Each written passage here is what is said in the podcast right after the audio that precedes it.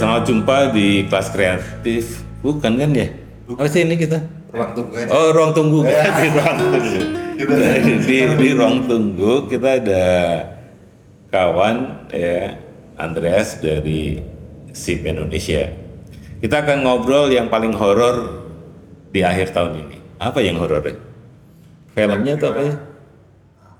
Kalau- tanya ke Mas Anda sekarang gimana? Hmm. Mas? Kalau yang horor itu sekarang itu jalan. Wih, Wih, Karena di jalan tuh sekarang sudah terlalu banyak membawa korban. hmm. Jadi kalau dibanding jumlah korban meninggal akibat kecelakaan di jalan raya dengan di bencana itu masih tetap jumlahnya lebih banyak di jalan. Makanya kalau kita menunggu seperti ini, jangan menunggu di jalan, Oke, menambah korban. Di dalam mana? Iya. Kalau ngomong-ngomong Mas, nunggu tadi dengan jalan, kemudian itu jadi keresahan di NGO kan? Wah, NGO itu nggak pernah resah Oh, terus? selama selama selama ada proyek. Parah, parah. Kamu itu apa yang dicari? Kamu kalau ngomong yang berbusa-busa di NGO itu, itu memang wajar. Perubahan, Perubahan itu kan semua orang berubah-perubahan. Menginspirasi. Pak Anies saja bilang perubahan tapi nggak tahu apa yang dirubah. Satset. Satset itu apanya yang disatset itu. Iya juga ya. Makanya kamu nggak usah ngomong yang seperti itu. Lah, Namanya apa, perubahan itu sebenarnya nggak perlu dipikirin ya? Enggak, cuma Dita- ditari-tari joget-joget jadi berubah tubuhnya yang berubah Ini ya. kalau, kalau kamu itu udah mengikuti tren perubahan mengikuti daya imajinasi dan sebagainya jadi nggak perlulah kita memperbincangkan yang berubah atau yang Satset. satset atau yang yang goyang-goyang. Ya, itu. ini intinya apa sih memang perubahan itu sebenarnya tanpa harus dipikirin dia terjadi kan maksudnya Iya. Hanya kan kadang-kadang kita kan ikut genit ya Hmm. supaya dikenal orang lebih kelihatan beradab bukan beradab gitu sehingga kita ini mengikuti norma-norma yang dianggap wajar Hmm. oleh organisasi, oleh pemerintah atau oleh siapa. Itu kan karena kegenitan kita. Sementara ya secara alamiah yang namanya masyarakat sipil itu kan ya berkembang sesuai kebutuhan yang ada secara alami. Jadi kalau kalau masyarakat sipil itu sebenarnya terjadi setelah ada negara atau sebelum ada negara ya harusnya sebelum ada negara itu masyarakat sipil sudah adil.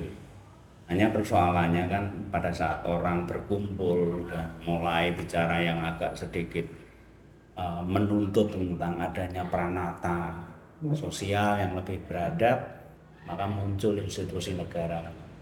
Dan itu pun hanya sebatas imajinasi sesungguhnya. Negara itu sendiri kan imajinasi itu. Apakah negara menggunakan Ya sekarang ini justru negara itu membuat hidup kita ini tidak nyaman. Hmm. Bosnya kasih ini, ini menarik nih. Iya, beneran nyaman nih. Gimana? Sekarang misalnya, kok nyaman gimana? Wong kamu itu ke mana-mana juga dibatasi aturan, Hmm. Ke mana-mana ditarik iuran pajak dan sebagainya. Hmm. Nah, kan jadi nggak nyaman. Sementara kita sendiri susah kan minta pertanggungjawaban atas kontribusi pajak kita pada negara.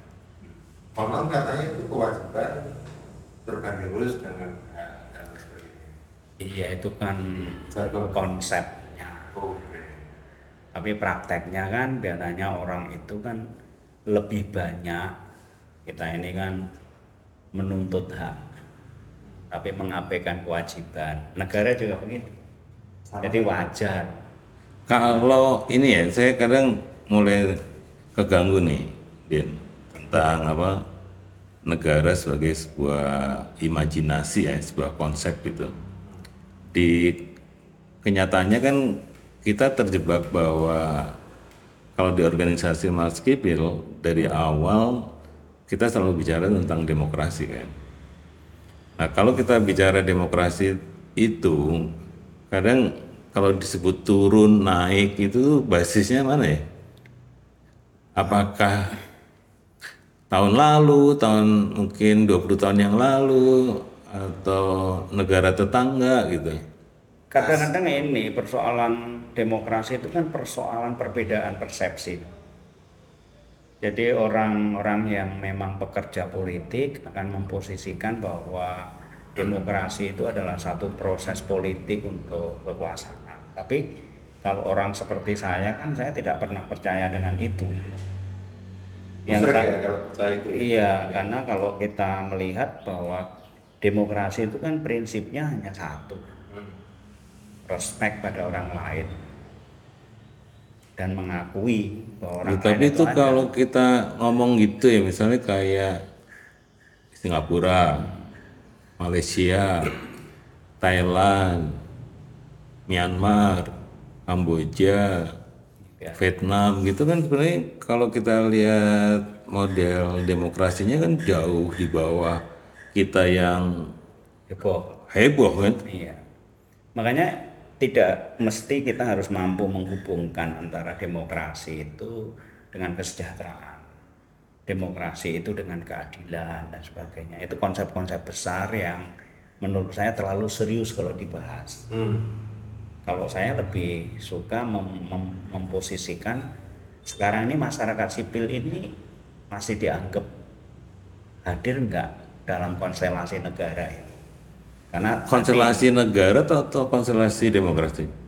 negara negara salah satu mempraktekkan eksistensi negara itu kan dengan demokrasi sehingga dia mempunyai legitimasi politik kan tapi kalau masyarakat sipil sesungguhnya kan lebih berperan yaitu tadi eh, bagaimana sih sesungguhnya dia mempunyai komitmen-komitmen yang yang bisa menjadi semacam kontrol terhadap peran-peran negara yang memang tidak berjalan dengan baik. Mas itu tadi mengabaikan kalau demokrasi itu sebagai alat dan tujuan sekaligus. Gimana? Kalau saya nggak nggak ada ya demokrasi tetap alat aja. Kalau tujuannya itu keadilan. Justru pengukuran alat itu, kalibrasi alat itu dibenarkan nggak? Ya itu kan tergantung komitmen kebersamaan. Artinya apa sih Tergantung komitmen atau tergantung kesepakatan? kesepakatan kesepakatan kesepakatan karena pada saat kita membuat negara ini kesepakatannya kita itu makanya kalau kesepakatannya berubah ya nggak ada masalah kan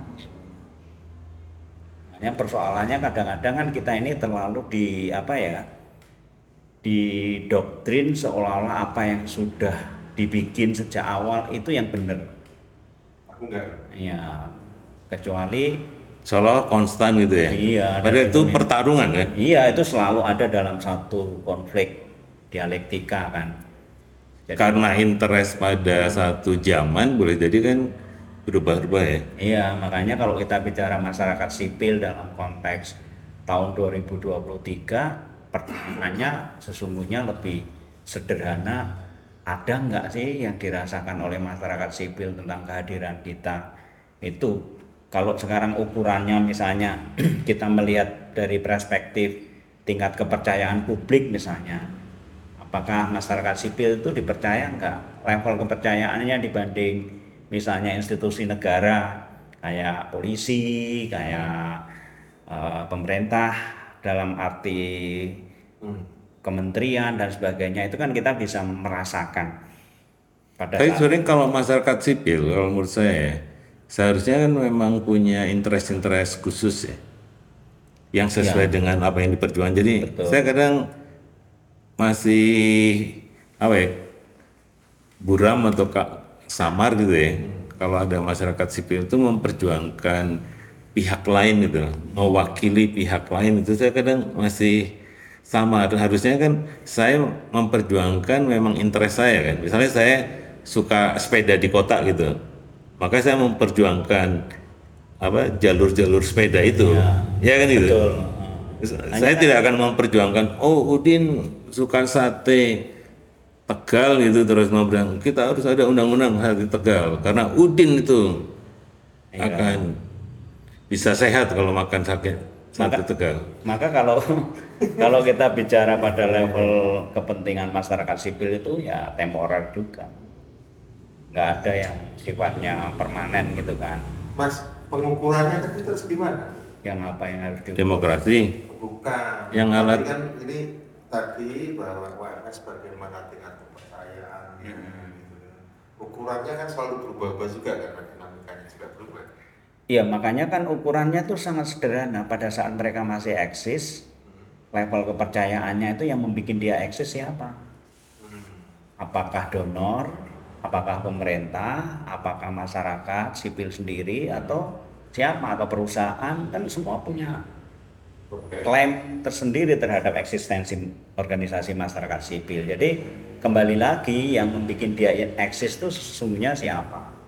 Kalau mereka merasa bahwa dirinya merasa eksis karena keberadaan masyarakat secara umum, pertanyaannya Mas. ada nggak yang begitu? Sebenarnya kan kalau saya lihat ya, dulu tahun 80-an gitu, kita di masyarakat sipil kan memang suara alternatif itu kan jarang. Jadi kalau kita siapa pun lah yang berani ngomong Alternatif. alternatif ya kemudian mendapat kepercayaan publik lah. Jadi publik selalu bertanya kepada kita tentang apa yang sebenarnya menjadi apa? menjadi menjadi kegelisahan publik gitu. Kita menyuarakan yang apa menjadi kegelisahan publik. Salah satunya misalnya dulu dari otoriter ya kita mintanya demokrasi. Demokrasi udah diambil. Dulu pembangunan sangat eksploitatif, kemudian digerakkan lingkungan, kemudian kata-kata lingkungan itu sekarang lebih fasih pemerintah daripada NGO. kalau bicara tentang lingkungan. Lagi-lagi misalnya tentang apa kemiskinan, tentang pembangunan desa. Dulu kita desa, desa, desa, akhirnya diambil. Nah, ada semacam apa? Semacam paradoks gitu loh di di perjuangan kita tuh ujungnya tuh sebenarnya diserahkan ke pemerintah. Kalau pemerintah enggak sudah ambil itu udah berhasil. Nah di dalam kasus yang sekarang itu kan seolah-olah semua isu itu kan sekarang di apa ya, semacam dibajak atau di di apa dipimpin oleh si pemerintah ini. Jadi kalau saya ngomong misalnya perubahan iklim gitu, itu perasaan saya itu agak di pinggiran tuh dibandingkan pemerintah yang ngomong ngomong perubahan iklim itu kayak udah Sudah lebih fasih. fasih banget gitu. Nah, apakah dalam model-model negara yang demokratis seperti di Indonesia yang sudah mengadopsi demokrasi dalam waktu 20 tahun lebih ini ya, itu yang kemudian atau 20, 20 tahun ya, itu sebenarnya nggak perlu lagi tuh OMS itu sebenarnya nggak relevan lagi gitu loh. Itu tuh orang sekarang sendirian aja pakai YouTube bisa berjuang apa jalan jadi mulus gitu di mana tuh di Sumatera Utara atau di Lampung gitu tuh kan nggak perlu ada NGO orang bicara langsung mediumnya sekarang lebih banyak jadi Sebentar mas, apakah itu tidak eh, tidak ada percaya diri atau gimana? Faktanya iya gitu. Tapi ketika kita menanyakan itu, apakah kita oh, sampai di mana kita kenapa gimana? Kasarnya kan dulu misalnya kita cuma apa baru baca buku satu ngomong terus orang oh gue pinter gitu. Lah sekarang orang udah baca buku banyak gitu loh. Ngomong apa aja kita kena oh Wong saya misalnya ngasih materi di teman-teman mahasiswa saya belum selesai mereka udah selesai wong dia lihat di di internet apa sih ini apa sih ini Nah, lewat Google terus guru tuh masih relevan nggak ngajar masih relevan nggak gitu Mas Teguh, itu kan akan lebih mudah menerapkan, lebih dekat dengan isu pengetahuannya sudah dekat. Tapi di satu sisi, apakah pengetahuan-pengetahuan yang diperoleh ini semakin menjauhkan? Itu gimana? Kalau kalau kita memposisikan tentang masalah eh, organisasi masyarakat sipil itu relevan atau tidak relevan kan sesungguhnya begini. Kita ini kan hadir pada saat memang negara itu tidak menjalankan fungsi di sektor-sektor atau bidang-bidang itu. Makanya pada saat negara itu sudah mengambil alih itu, negaralah yang memang harus menjalankan dengan konsisten di situ. pada saat dia tidak lagi nanti menjalankan ya kita harus bersuara lagi. Nah ini tidak hanya negara termasuk korporasi dan sebagainya. Pada saat dia menjalankan fungsi-fungsi eksploitasi dan sebagainya untuk mendapatkan keuntungan tapi mengabaikan uh, aspek sosial dan lingkungan ya kita akan bersuara seperti itu Pertanyaannya apakah memang harus negara atau justru masyarakat sipil itu hijack? Sebenarnya saya nggak butuh negara gitu. Ya pada saat negara itu ada kan karena memang konsensus masyarakat sipil itu diakomodasi di dalam sistem organisasi negara ini. Karena negara inilah yang dianggap ya menjadi komitmen bersama, kesepakatan bersama untuk menjawab hak-hak yang ada di warga negara masyarakat sipil ini. Ya cuma kan kalau sekarang kita ngobrol dengan yang mewakili negara gitu, mereka sendiri ngaku kita nggak bisa sendiri gitu. Jadi kadang mereka balikin lagi kita gitu jadi semacam jeruk makan jeruk gitu deh. Iya. Saya serahin ke kamu ya terus kamu aku nggak sanggup nih anggarannya nggak cukup terus balikin lagi ke kita gitu. Ya, makanya kan kalau dalam konteks seperti itu tanggung jawab negara atau praktek yang dijalankan negara nggak mampu menjawab, nah di situ memang masih relevan kita ada. Padahal itu selalu selalu begitu atau Itu tergantung. Saya lihat misalnya tren yang berkembang pada saat dia memang membutuhkan legitimasi politik untuk isu-isu tersebut. Misalnya kita bicara tentang politik desa gitu ya. Ya pada saat itu sudah sampai pada pengambilan kebijakan tentang eh, bagaimana implementasi dia menguatkan desa dengan kebijakan-kebijakannya. Ya memang organisasi masyarakat sipil nggak perlu lagi terlalu. Tapi pertanyaannya kan menjadi lebih kritis pada saat mereka prakteknya itu sudah benar nggak? Ini bisa nggak gini saya, Din, jadi tertarik membicarakan tentang misalnya organisasi kita ya, kemarin ya kita ngobrol. Kan esensinya kita di NGO sekarang itu disebutnya sebagai social innovator Iya. atau social profit organization. Jadi yang kita cari kan profitnya sosial bukan profit uang Iya, ya. iya. Ya, sosialnya misalnya jumlah apa yang mengadopsi ide kita makin banyak dan sebagainya. Di sini tuh kadang saya berpikir saya tuh nggak perlu negara. Negara itu yang diperlukan adalah jangan gangguin ide kita gitu maksud saya gitu. Ya pokoknya kita dibolehkan melakukan apa pun ya untuk kesejahteraan rakyat. Itu sebenarnya tinggal di Iya. dibiarkan aja kan. Tapi kan dalam konteks kehadiran kita itu kan tidak di ruang hampa. Pasti ada interaksi dengan masyarakat sipil yang lain, dengan eksistensi dengan institusi yang lain dan pada saat itu terjadi kepentingan yang sama misalnya kita eh, dengan ide-ide kita itu ada orang lain yang terganggu.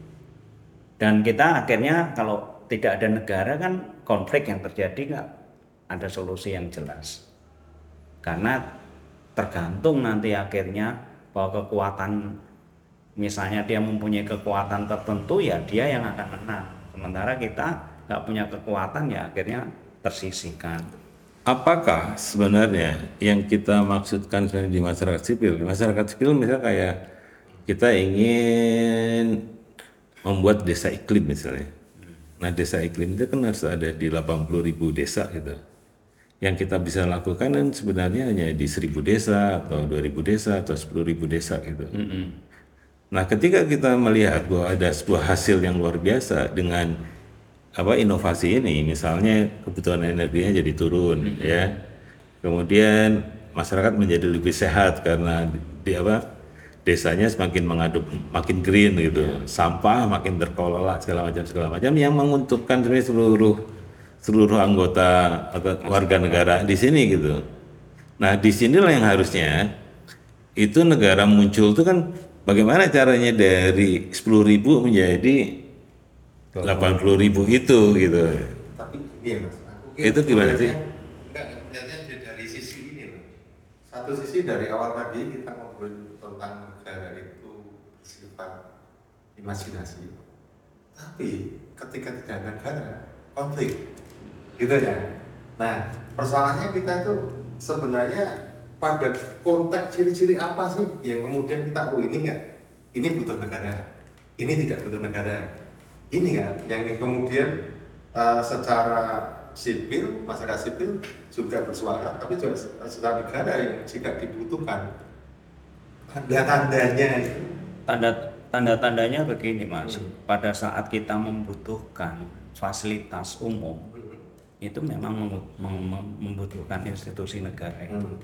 Kan nggak mungkin ya Seperti apa yang umum? jalan misalnya. Kan kita nggak mungkin bikin jalan sendiri. Semua orang bikin jalan sendiri kan bisa menimbulkan masalah.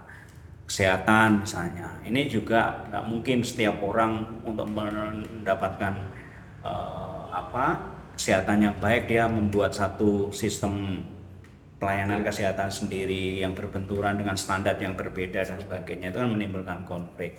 Nah, maksud saya imajinasi negara itu pada saat kita sudah mulai membangun satu eh, peran-peran yang clear itu tadi, Mas, misalnya. Oke, negara itu yang memang memfasilitasi infrastruktur publik. Itu itu itu jelas kalau kamu pertanyaannya. Tapi pada saat dia nggak menjalankan fungsi-fungsi itu dan justru itu diserahkan kepada korporasi atau diserahkan ke masyarakat, ya dia akhirnya kehilangan peran yang seperti itu. Nah, makanya di sini kalau kita melihat kan kembali lagi tadi pada saat ini di masing-masing orang kepala di warga negara Indonesia atau di rakyat Indonesia ini kira-kira dia tuh di pikiran dia itu butuh nggak negara ada satu komunitas yang merasa misalnya komunitas dia itu sudah aman tentrem misalnya seperti di mana kelompok-kelompok Baduy dalam dan sebagainya dia merasa ada negara atau tidak ada negara aman karena memang kebutuhannya pada lokal di situ tercukupi dengan baik. aku justru keingat ya mas di dinding di Jogja itu ada muda ya love gitu putus nyambung putus nyambung. Apakah kondisi itu kemudian juga terjadi bahwa butuh? Ya nggak butuh. Butuh nggak benar tadi sudah disebutkan ya salah satu oke negara bisa hadir atau pemerintah bisa hadir nah persoalannya kemudian oh organisasi masyarakat sipil ini menjadi pertanyaan. Tadi kalau kalau Mas Hadi ngomong tidak butuh tuh gangguan. Tapi ketika ini menyeruak nah kata Mas Andreas kepentingan-kepentingan akan ber, ber ini ya Iya, bersifat sama ya. Pada saat kita misalnya melihat dan menyaksikan, pada saat kelompok masyarakat tertentu itu tidak me- sudah merasa mandiri dengan semua infrastruktur yang dia punya, tapi pada saat dia diganggu dengan kepentingan bisnis misalnya, dia harus harus kan harus berhadapan ini. Dan ada pihak ketiga yang harus juga berpihak pada dia karena dia akan mengalami ya kesulitan dalam bagaimana menjaga eksistensi komunitas itu. Sama misalnya kalau kita di kota, di urban gitu. Ya pertanyaannya kalau misalnya komunitas tukang beca atau komunitas orang yang tinggal di pinggir kali itu butuh negara atau enggak? Ya kalau dari sisi kehidupan sehari-hari mungkin dia nggak merasa butuh negara. Tapi pada saat dia sakit, butuh dia butuh negara. Pada saat dia dikriminalisasi, dia butuh negara. Nah, pada saat mereka butuh negara, sementara negara nggak hadir, dia butuh NGO ini. Harusnya begitu yang berperan. ini jangan-jangan nggak ada yang hadir kemudian kita tetap eksis ada Iya, kan ka- karena mencari-cari juga. karena memang kalau kita melihat ya dalam konteks realitasnya kan ya kita harus mengakui bahwa negara nggak bisa hadir dan nggak mampu hadir di semua Mas, ini. sebentar mas, sebelum jauh ya. Saya itu sering sering kali melihat definisi. Kamu tuh negara. jauh tuh sejauh apa? Sejauh negara itu mas, maksudnya gini. Definisi negara itu kan ada kalau ada rakyat, ada pemerintah. Sebenarnya yang kita sebut Itu negara itu pemerintah atau It- itu pelajaran itu. oh harusnya Ya negara itu kalau dalam kon- konsep imajinasi kita ya pada saat dia mempunyai kekuasaan untuk memerintah rakyat pemerintah. Iya, itu Oke. itu ada supaya kepalanya clear loh mas kalau Iya. aku negara negara adalah kita itu Iya. itu yang dikatakan Mas Dani tadi ketika bapak kita ngomong ngomong apa eh aku nggak bisa nih jeruk makan jeruk itu karena tantangan kita nggak clear kayaknya mendefinisikan apakah ini pemerintah apa negara negara kalau rakyat juga ini negara kita gitu kan kalau kan dimakan gitu kan Iya, karena pada saat kita menyerahkan apa eh, sebagian mandat untuk dikuasai. Jadi pada saat saya ya tinggal di Jogja dan saya merasa saya nggak mungkin mampu menyelenggarakan semua public services ini. Ya saya butuh negara. Iya. Tapi kalau pada saat saya ya harus bekerja yang mendapatkan hasil ada negara atau tidak ada negara itu tergantung saya.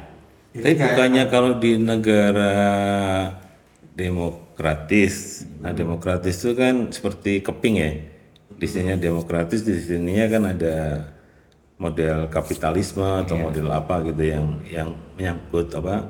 Ekonominya. Ekonomi ekonominya. Nah jadi saya kadang berpikirnya kan bahwa negara sendiri mulai merasa harus menciutkan perannya kan, karena itu diserahkan ke swasta. Jadi rumah sakit itu lebih banyak udah swasta gitu, sekolah juga udah banyak swasta gitu, infrastruktur juga sebagian diswastakan gitu, Ya. pengelolaan sumber daya alam itu juga swasta. Itu jadi ini kan negara sendiri akhirnya juga dia merasa harus memperkecil perannya yang kemudian ini menjadi problem baru kan se- seolah-olah listrik misalnya tadinya asumsinya harusnya negara dulu ya taunya PLN gitu ya tapi kan sekarang bisa lambat laun akan di di Swastanisasi. swastanisasi gitu kalau memang harganya masih terlampau mahal gitu. Maksud saya di sini ada ada di sisi lain di sebelah sana yang bahwa yang disebut dengan kebutuhan negara itu kan swasta bisa disediakan gitu. Ma- makanya gini mas, kalau saya melihat bahwa pada saat negara menyerahkan, mendelegasikan, itu kan dia merasa bahwa rakyat itu mempunyai daya beli. Nah, di situlah letak juga peran NGO. Pada saat sebagian besar rakyat itu tidak memiliki daya beli terhadap sektor pelayanan publik yang diserahkan swasta itu tadi, siapa dia nih yang membela? Loh, rakyat itu kan masing-masing kan mempunyai keterbatasan. Mas? Siapa yang ngumpulin? Terus, OMS OMS nah makanya kan di situ Oh, perannya eh, perannya NGO kan ada di situ. Iya, iya. Pada saat mereka dalam kondisi tertentu cair begitu, ya nggak mungkin bisa berjuang. Nah, di situlah letaknya sesungguhnya kalau kita akumulasi dalam tahun 2023 ini, saya selalu mengatakan eksistensi NGO itu ya pada saat dia hadir itu ya mampu mengorganisir ini dan mampu mempertanyakan tentang kehadiran negara buat mereka ini. kayaknya kita sudah punya konklusi nih Mas. konklusikan mas malah nyuruh ayo mas silakan mas itu kamu kayak negara Iya. gitu ya Iya, itu harusnya urusannya Udin. Apa coba konklusinya? kalau konklusinya seperti yang dibicarakan mas Andres tadi nah, itu juga ya kenapa kita ber, berprinsip bahwa orang ketika mengkonklusi dengan padahal kan sudah di kalau nanti kawan-kawan kebingungan tinggal dibalik aja pasti mas Ya. apa Kalau yang saya tangkap ya, situasi yang disebut politik, ekonomi, teknologi, sosial itu situasinya itu kompleks kalau menurut saya sih. Makin kompleks, bukan kom- kompleksnya sudah zaman dulu gitu. Situasi yang lalu pendekatannya itu kan seolah-olah situasi yang kompleks itu bisa disederhanakan lewat misalnya kebijakan ya kemudian lewat apa demokrasi ini pemilihan pemimpin-pemimpinnya perwakilan-perwakilan secara politik harapannya kan itu harusnya memang menyejahterakan rakyat itu Ya. tapi dalam situasi negara berkembang itu itu tetap ada orang yang tertinggal itu bisa jadi 10%, bisa jadi 20%, bisa jadi 30%. Dalam kasus saya Indonesia, artinya kalau 30% aja itu ya ya jutaan. Iya. Desanya bisa ribuan semacam itu. Iya. Nah, wilayah-wilayah itu yang sebenarnya menjadi wilayah-wilayah masih punya Membutuhkan. ya membutuhkan peran-peran organisasi masyarakat sipil. Makanya- Satu untuk merespon keadaan ini, tapi juga kalau negara masih memang ekonominya bertumbuh nggak dikorupsi, harusnya punya sisa-sisa anggaran yang bisa membantu kelompok kelompok-kelompok marjam. Kalau misalnya ini makin kompleksitas, apakah OMS butuh spesialisasi atau memang tidak? Ya itu tergantung kebutuhan ya. Maksud saya begini, pada saat kita mulai melihat bahwa ada satu komunitas negara ini atau sebagian kecil dari negara ini yang belum terakomodasi dalam sistem pelayanan publik tadi. Mereka ini kan di- disebut biasanya kelompok marginal. Nah, itu bisa karena mereka ini posisinya tidak terjangkau Oke. remote area. Bisa posisinya karena mereka mengalami stigma politik atau diskriminasi. Ya. Ya, misalnya kalau di Jogja misalnya ada kelompok tertentu yang memang tidak bisa sama. Nah, ada juga karena memang persoalan yang dihadapi itu ya berbeda dengan masyarakat yang lain. Berarti kan gini ya, esensinya NGO bisa relevan satu, dia memberikan complementary dari jasa Public apa services. eh, public services yang tidak bisa dilayani negara. Kan itu itu Betul. itu peluang bagi NGO kalau mau mau relevan gitu. Nah, yang kedua, dia tuh tetap sebagai capacity builders ya. Bahwa ternyata untuk merespon situasi macam ini di negara pun di pemerintah nih keterampilan-keterampilannya juga tidak memadai gitu. Di situ NGO sebenarnya bisa punya peran untuk tadi meningkatkan kapasitas banyak orang untuk mampu merespon situasi-situasi yang sebenarnya harusnya bisa membantu rakyat lebih pintar, lebih sehat dan dan seterusnya.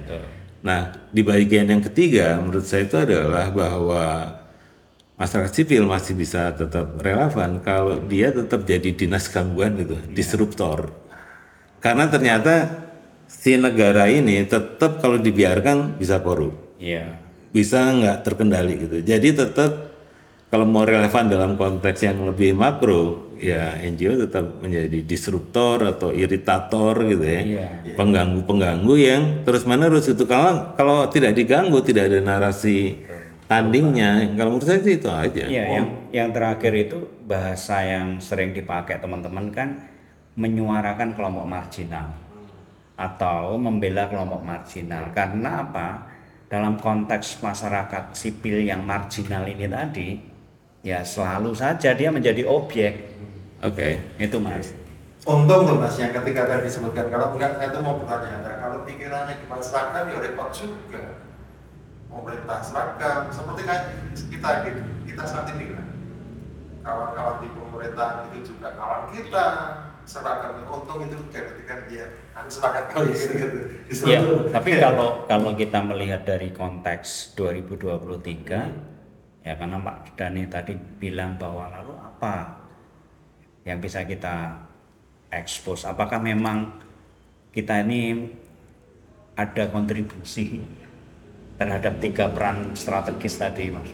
Atau memang kita oh ternyata di tiga tiga ruang itu tadi kita memang mengalami degradasi yang cukup signifikan tahun 2023 saya pikir kok mas pengambilannya seperti pengambil negara yang maju juga sama-sama karena kalau dalam konteks yang eh, ketika kita mengambilkan bahwa ini sudah terlaksana gitu ya sudah imajiner tuh bilang lagi gitu ya tapi kalau sudah oh masih ada tuh yang sisa atau bahkan dicari-cari seperti kata di, Ya.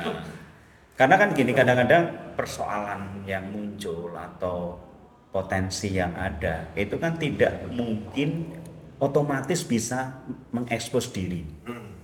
Dia juga membutuhkan pihak-pihak tertentu untuk mengeksposkan ini. Jadi apalagi kelompok-kelompok masyarakat yang marginal itu tadi. Kalau nggak ada yang mengekspos, ya dia akan menerima itu sebagai suatu given yang harus dihadapi setiap hari. Nggak bisa keluar dari uh, kondisi yang ada. Makanya maksud saya adalah peran-peran NGO yang mengekspos tentang marginalisasi kelompok-kelompok yang seperti ini itu sekarang semakin berkurang. Kenapa? Karena lebih banyak yang dominan sebagai komplementer tadi, Mas. Ini ide bagus saya. Bagaimana suatu saat ruang itu menghadirkan yang kelompok-kelompok itu di ruang tunggunya. Itu yang sebenarnya kan disebutnya sebagai kelompok-kelompok yang tidak terlihat ya. Dan kemarin memang punya implikasi pada cara NGO atau organisasi masyarakat sipil itu melakukan analisa sosialnya. Ya. Nah kalau analisis, analisis sosialnya standar yang lama, maka akan ketemunya yang marginal, misalnya petani, buruh, macam-macam. Tapi ada orang tadi yang kan difabel, difabel juga macam-macam. Bisa juga ada yang disebut dengan interek apa interseksional ya, ya sudah difabel tapi juga orang miskin, juga dari luar Jawa, udah macam-macam gitu. Jadi jadi dia marginalnya itu double-double gitu. Jadi Ya, itu yang kemudian makin tidak terlihat kan gitu nah ketika ada inisiatif misalnya inklusi sosial dan sebagainya dan sebagainya itu menurut saya menjadi alat-alat baru yang harus dikuasai NGO ketika melihat sebenarnya kerak kemiskinan itu kan makin dulu kan 27 juta ya sekarang itu udah di bawah 10 juta. Yang yang apa yang yang keraknya yang ekstrim banget lah. Nah ini nih nggak ada susah ngelihatnya yang mirip intip kan loh angel. Kecuali udah dicuci-cuci apa segala macam pas nyabu nih lo gitu ono apa gitu loh. Iya, karena memang itu yang menjadi problem sejak dulu. Kita tuh tidak memiliki semacam informasi yang cukup jelas tentang profiling itu, Mas. Dan memang kalau saya melihat di situlah negara tidak mempunyai kemampuan untuk mendata dan memprofiling itu dengan jelas. Kenapa itu dibikin? Ada dua kemungkinan alasan bisa terjadi. Memang disengaja. Biar itu Inter tetap apa ini? Iya, bukan. Iya. Itu menjadi alasan dia untuk melakukan intervensi tanpa kejelasan Oke. dengan jumlah. Ya makanya kalau dulu kan ada, ada suku saya ingat di saya masih kecil tuh ada suku apa gitu dihilangin gitu kan Ya. kepercayaan itu dihilangin gitu gitu Itu jadi yang pertama, yang kedua belum nih. Ya, yang kedua memang nggak ada niat baik ya dari jelek semua dari- Mas? iya dari negara. yang satu sengaja yang kedua nggak ada niat baik. Karena menurut saya kalau punya double gitu soalnya Enggak, saya Berat, ingat, berat, berat. apa sih yang nggak dipunyai negara? Ahli dia banyak, Hmm. teknologi dia punya, Hmm. dana dia punya. Masa ngerjain kayak gitu aja nggak bisa? Waktu? Waktu itu kan bisa diukur. Masa sejak merdeka sampai sekarang waktunya nggak cukup? Itu kan niat baik, ya kan? mungkin niat baik ada cuma tadi ada kebodohan yang terbatas tuh Ya. Atau memang diciptakan supaya tetap bodoh. karena dalam satu kantor aja belum tentu bahasanya sama loh pak Eh, iya.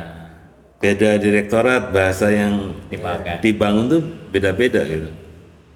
Jadi ketika mau kita menyebut bahwa bersinergi, berkolaborasi itu jadi angel, angel. ya.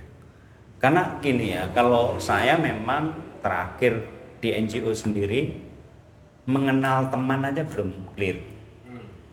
Jadi kita nggak bisa berkolaborasi sebelum kita mengenal diri kita. Kita itu sesungguhnya punya mimpi apa sih yang ingin kita wujudkan dalam kelompok-kelompok marginal ini. Iya. Lalu yang kedua, kita aja belum kenal cukup clear dengan teman-teman yang bisa diajak kolaborasi itu bener nggak? Jadi akhirnya yang terjadi ya kolaborasinya itu sebatas kegiatan. Tapi kan ya. Ya Bagi bukan kami yang ah, kok seger ya. Maksudnya yang yang tidak takut-takut gitu dong. bu- bukan masalah menakutkan ya, tetapi kita dalam konteks yang ke depan, misalnya 2024, ya justru dengan kondisi seperti ini, nah itu menjadi challenge yang. Ah, cocok kata itu. ya. Oke. Makanya pertanyaannya, kita punya keberanian enggak? Nah, kalau berani, waton berani ya, tapi Kalau saya kok di akhir ya di bagian akhir ini satu situasinya itu sebenarnya ada satu mindset yang sama baik itu di NGO di negara. baik itu di negara maupun di corporate gitu. Nah, mindset inilah yang sebenarnya kemudian tidak bisa keluar dari belenggu-belenggu yang dibangunnya sendiri. Baik itu di NGO ya, di NGO itu kan ada beberapa istilah yang ya faksi, istilah juga ada macam-macam yang kemudian ya bukan dalam satu kesatuan juga sebenarnya NGO itu. Yang kedua di pemerintah sendiri kita juga bisa salah tafsir soal terus tunggal gitu. Tapi sebenarnya itu juga ada ketegangan-ketegangan yang yang apa yang kemudian membuat mereka memang nggak bisa bekerja sama gitu. Di bisnis juga gitu. Ya di bisnis itu seolah-olah itu satu apa kelompok sendiri gitu yang sama maunya duit gitu ya. Tapi yang nggak gitu gitu. mereka juga, ya mereka itu juga di dalam ketegangan-ketegangan yang yang berbeda. Jadi kalau menurut saya sebenarnya adalah NGO mau tidak mau sebenarnya bisa menjadi pelopor untuk keluar dari belenggunya itu karena relatif kecil lah ya. Jadi kalau misalnya mau mengubah vision, mission, strategi itu bagi NGO kan sebenarnya nggak terla- lebih fleksibel dibandingkan negara gitu ya yang memang apa sangat kaku. Corporate juga ada investornya. Nah di NGO itu kan kalau bahasanya apa orang Demak semalam itu kan menyebutkannya NGO itu mau diajak macam-macam susah, wong dia tuh nggak pernah kulaan, ya kan? Kalau kalau kula nggak pernah kulaan terus kamu nyebut untung berubah itu di- mana nggak pernah kulaan? Tap- Tapi persoalannya kan gini, situasi ini sesungguhnya siapa yang menciptakan? Kok tidak ada kesamaan? Apakah ini memang sengaja dipelihara supaya tidak terjadi perubahan yang mengubah secara keseluruhan? Satu kebijakan. Kalau yang kalau kita berpikir bahwa sesungguhnya yang paling mempunyai peran strategis seharusnya negara yang bisa mengubah. Kenapa? Karena dia punya otoritas. NGO itu kan nggak punya otoritas. Nah, yang kedua, yang ketiga, menurut saya persoalan-persoalan yang tadi Mas Dani itu kan memang ada satu ya mungkin pikiran jahat gitu ya. Kita memikirkan bahwa ya ini memang diciptakan seperti ini supaya kekuasaan itu langgeng. Bisa juga terjadi seperti itu. Karena semakin lama kita terfragmentasi begitu kan, ini kan politik zaman penjajahan. Kalau saya kok yang sama sebenarnya masing-masing itu melihat situasinya itu pengen dalam situasi yang tanda kutip sama tuh sama cara melihat masalahnya gitu loh. Sehingga seolah-olah masalah itu harus di ada solusinya. Jadi NGO juga bekerja ini solusinya apa ya? Pemerintah juga solusinya apa ya? Di bisnis juga sama. Padahal solusi itu kan nggak ada. Yang ada kan kita kayak menari bersama situasi ini. Gimana sih kalau situasi ini kita kita ya merespon dari situasi-situasi yang terus berkembang yang yang sebenarnya itu real. Jadi kita tuh masuk ke ruangan, kemudian problemnya adalah gitu. Nah waktu nulis ini sebenarnya dia nggak real. Iya. Dia hanya Imajinasi. laboratorium, imajinasi aja. Keluar dari ruangan itu ya beda semua. Nah kalau ada di dalam kognisinya masing-masing, jangan-jangan kalau ditanya siapa yang buat, ya bisa jadi pendidikan, Ya. bisa jadi bahan bacaan sekolah-sekolah yang kita bacaannya tuh kurang banyak gitu loh. Jadi masih ikut oh ini buku ini jadi kita kayak nggak Enggak selesai membaca buku tapi sudah mengambil keputusan gitu. Nah harapan harapan saya sih sebenarnya adalah bahwa harus ada mindset baru itu melihat situasi ini. Sehingga kalau dari perspektif NGO saya ya sekarang ngajak kawan-kawan di organisasi NGO juga cara melihat organisasinya harus beda juga. Cara melihat apa yang mau di apa dilakukan itu juga dengan cara-cara yang baru. Karena kalau cara-cara yang lama ya kita kan seperti ini terus sampai sampai kiri. akhir gitu yang kemudian kecewa itu aja kali ya Ya, ini sudah cukup berapa tuh mas? Ya. ya. Coba bahasa akhir kamu apa tuh? Eh, Ruang kalau tunggu nih. Misalnya kawan-kawan ada yang lewat pembicaranya bisa diputar ulang. Kalau iya, artinya nanti bisa dikunyah-kunyah dulu sebelum dicerna mas. Nah, itu mungkin yang bisa dikatakan karena aku melihatnya gini, eh, ada wilayah yang optimis dan pesimis sekaligus, ada percaya dan tidak percaya sekaligus. Nah, dua hal yang bukan saja kompleksitas gitu, tapi benar-benar kontradiksi itu hadir. Sehingga kadang-kadang mendefinisikan itu harus selalu pada kontekstualnya. Kalau tidak kontekstual, kayaknya juga kita ada mimpi di siang belum kakean apa mas kakean ngimpi orang tahu dulu.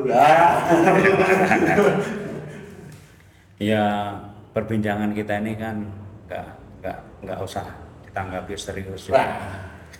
Ini kan hanya ngomong-ngomong yang untuk Waktu dulu. tidak begitu memberikan perubahan apa-apa.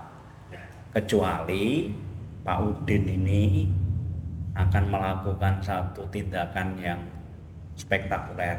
Wah, itu juga Kalau dalam perbincangan ini nggak usah dimasukkan hati dan nggak perlu ditanggapi serius karena ini hanya obrolan orang-orang yang ya kurang kerjaan. Ah, Menunggu, saya kan menunggu mudik, ini menunggu Kamu, kamu menunggu dipanggil. oke Oke kawan-kawan di ruang tunggu ini kita obrolan di tengah jalan ya. Saya sendiri sedang mau ke Malang. Udin juga sebenarnya tadi baru selesai ngurus macam-macam itu untuk organisasinya. Ini juga baru pulang dari workshop. Nah, terus mau pulang juga ke daerah itu Sleman ya itu ya Sleman. Ke Sleman. Sleman itu bukan Jogja ya, itu Sleman. Tapi yang menentukan Jogja dari Sleman. Sleman. Sebenarnya UGM itu Sleman.